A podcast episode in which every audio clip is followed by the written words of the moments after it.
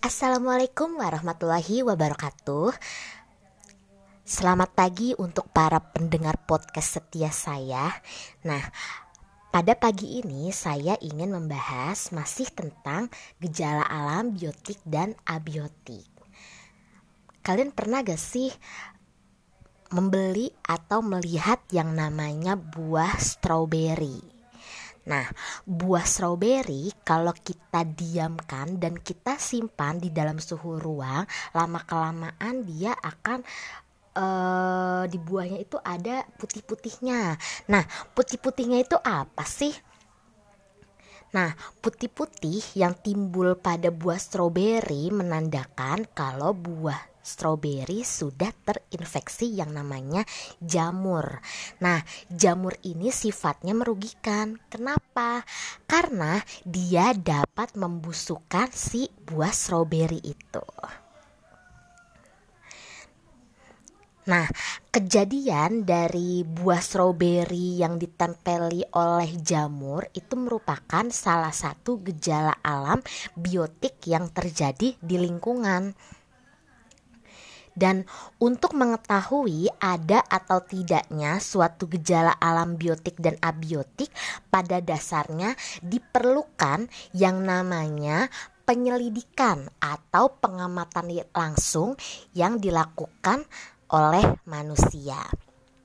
Nah, pengamatan ataupun penyelidikan langsung ini itu dilakukan menggunakan uh, suatu proses atau tahapan-tahapan yang namanya metode ilmiah. Nah, metode ilmiah merupakan proses penyelidikan ilmiah untuk memperoleh pengetahuan secara sistematis berdasarkan bukti fisik dari hasil penelitian yang sudah kita lakukan. Di mana tahapan metode ilmiah itu ada lima. Yang pertama perumusan masalah. Yang kedua adalah menyusun kerangka teori. Yang ketiga adalah membuat hipotesis atau jawaban sementara. Yang keempat adalah melakukan eksperimen ataupun percobaan dan yang terakhir adalah menarik kesimpulan. Oke, sekarang kita bahas satu persatu. Yang pertama adalah perumusan masalah. Perumusan masalah ini merupakan suatu daftar pertanyaan. Ingat ya, pertanyaan yang dibuat oleh peneliti dalam rangka merumuskan jawaban dari gejala alam yang sudah terjadi di lingkungan berdasarkan hasil pengamatan langsung.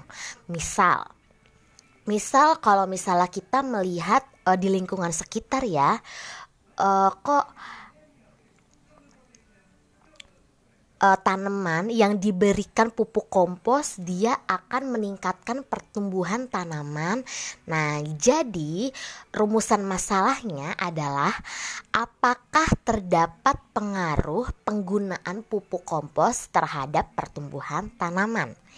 Yang kedua, ketika kita lihat ke danau atau ke sungai atau ke kali atau ke empang sekalipun kita melihat ada ikan-ikan yang eh, mengambang karena ikan tersebut telah mati. Nah, ternyata ketika kita cek ada warga yang membuang air deterjen ke perairan tersebut atau bahkan ada warga atau masyarakat yang mencuci pakaian di perairan tersebut. Nah, dari hal itu kita dapat merumuskan masalah nih. Apakah air deterjen berpengaruh terhadap populasi ikan di sungai? Seperti itu. Nah, pada perumusan masalah kita harus memperhatikan yang namanya variabel-variabel penelitian. Pada dasarnya, variabel penelitian itu ada banyak. Cuma yang saya tekankan di sini hanya ada tiga. Yang pertama variabel bebas, yang kedua variabel terikat, dan yang ketiga adalah variabel kontrol. Sekarang yang pertama, variabel bebas merupakan variabel yang dapat dimanipulasi kadar atau komposisinya. Jadi, bisa dikatakan kalau yang namanya variabel bebas adalah variabel yang bisa diganti-ganti kadarnya. Jadi, bisa ditambahkan atau dikurangkan uh, kadarnya. Misalnya, kalau pada perumusan masalah sebelumnya yang mengenai air deterjen terhadap pengaruh populasi ikan, jadi gini, uh, yang menjadi variabel bebasnya adalah air deterjen. Kenapa? Karena air deterjen uh, kadarnya atau komposisinya bisa kita rubah-rubah, bisa kita kurangi atau kita uh, tambahkan. Jadi kalau misalnya kalau misalnya air deterjennya sebanyak 500 eh, mg kira-kira apa nih pengaruhnya terhadap populasi ikan? Lalu kalau air deterjennya sebanyak 100 gram kira-kira apa nih pengaruhnya terhadap populasi ikan? Atau jika air deterjennya itu yang kita masukkan adalah 500 gram bagaimana populasinya terhadap ikan tersebut manakah yang lebih mempengaruhi apakah yang 15 mg atau yang 50 gram atau bahkan yang 100 gram air deterjen. Seperti itu. Yang kedua, ada yang namanya variabel terikat. Nah, variabel terikat adalah variabel yang dipengaruhi dari variabel bebas. Nah, contoh yang saya berikan tadi yang menjadi variabel terikat adalah populasi ikan. Jadi, ketika air deterjennya banyak, kira-kira populasi ikannya uh, lebih berkurang yang mana? Antara air deterjen yang diberikan banyak atau yang diberikan sedikit. Selanjutnya, variabel kontrol.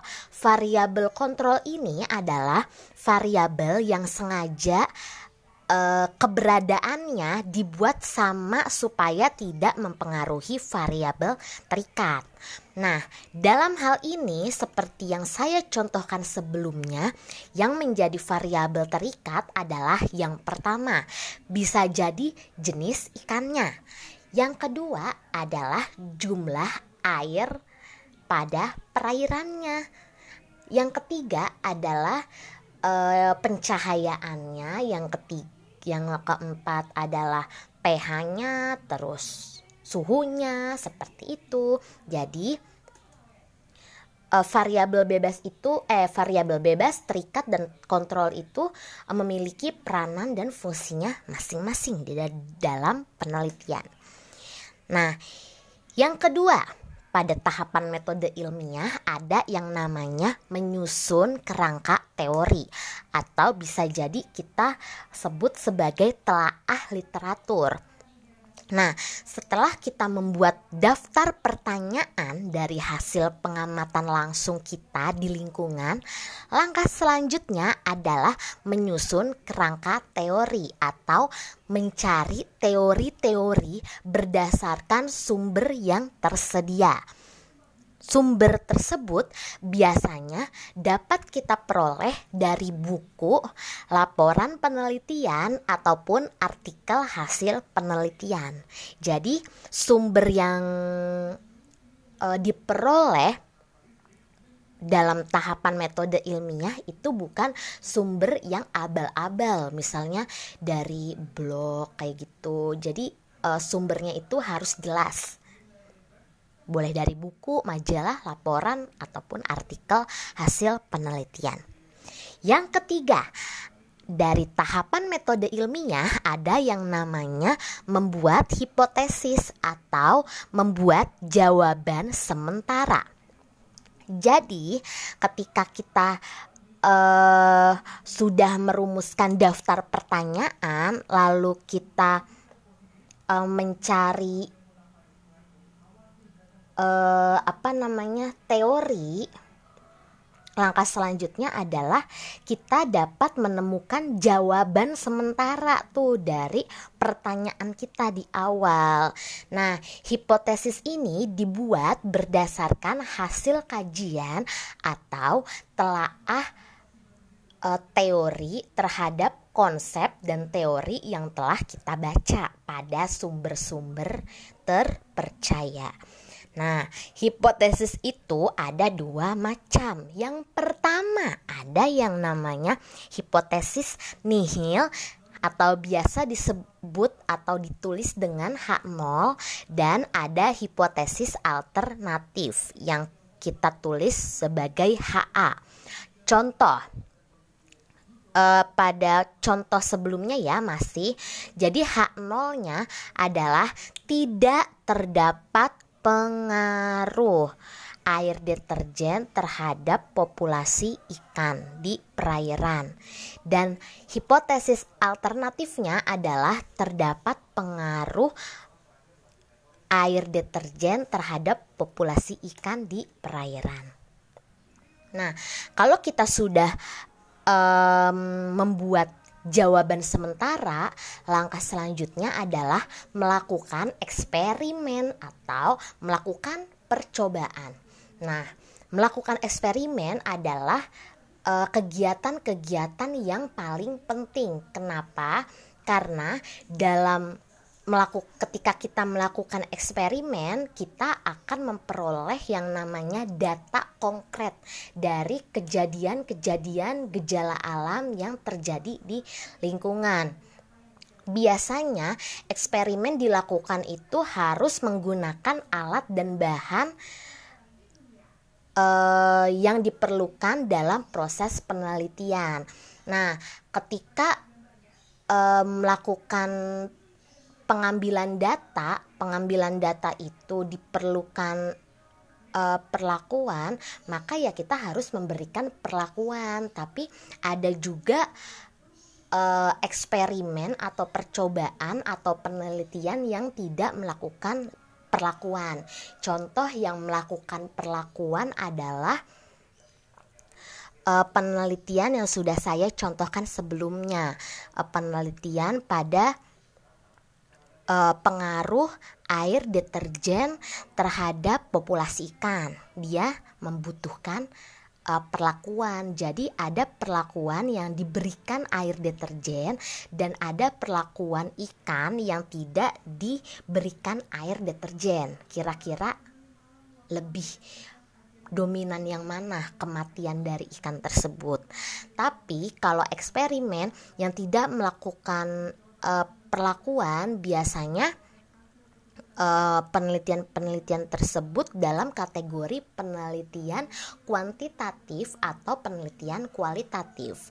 Jadi uh, misalnya penelitian tentang um, mem, apa namanya hubungan antara motivasi belajar dengan uh, hasil belajar siswa itu tidak memerlukan perlakuan. Jadi cuma uh, menyebar angket aja untuk melak untuk proses penelitian atau ambil datanya.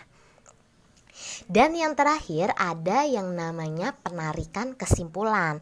Nah, penarikan kesimpulan tersebut diperoleh uh, ketika kita sudah memperoleh data dari hasil penelitian tersebut.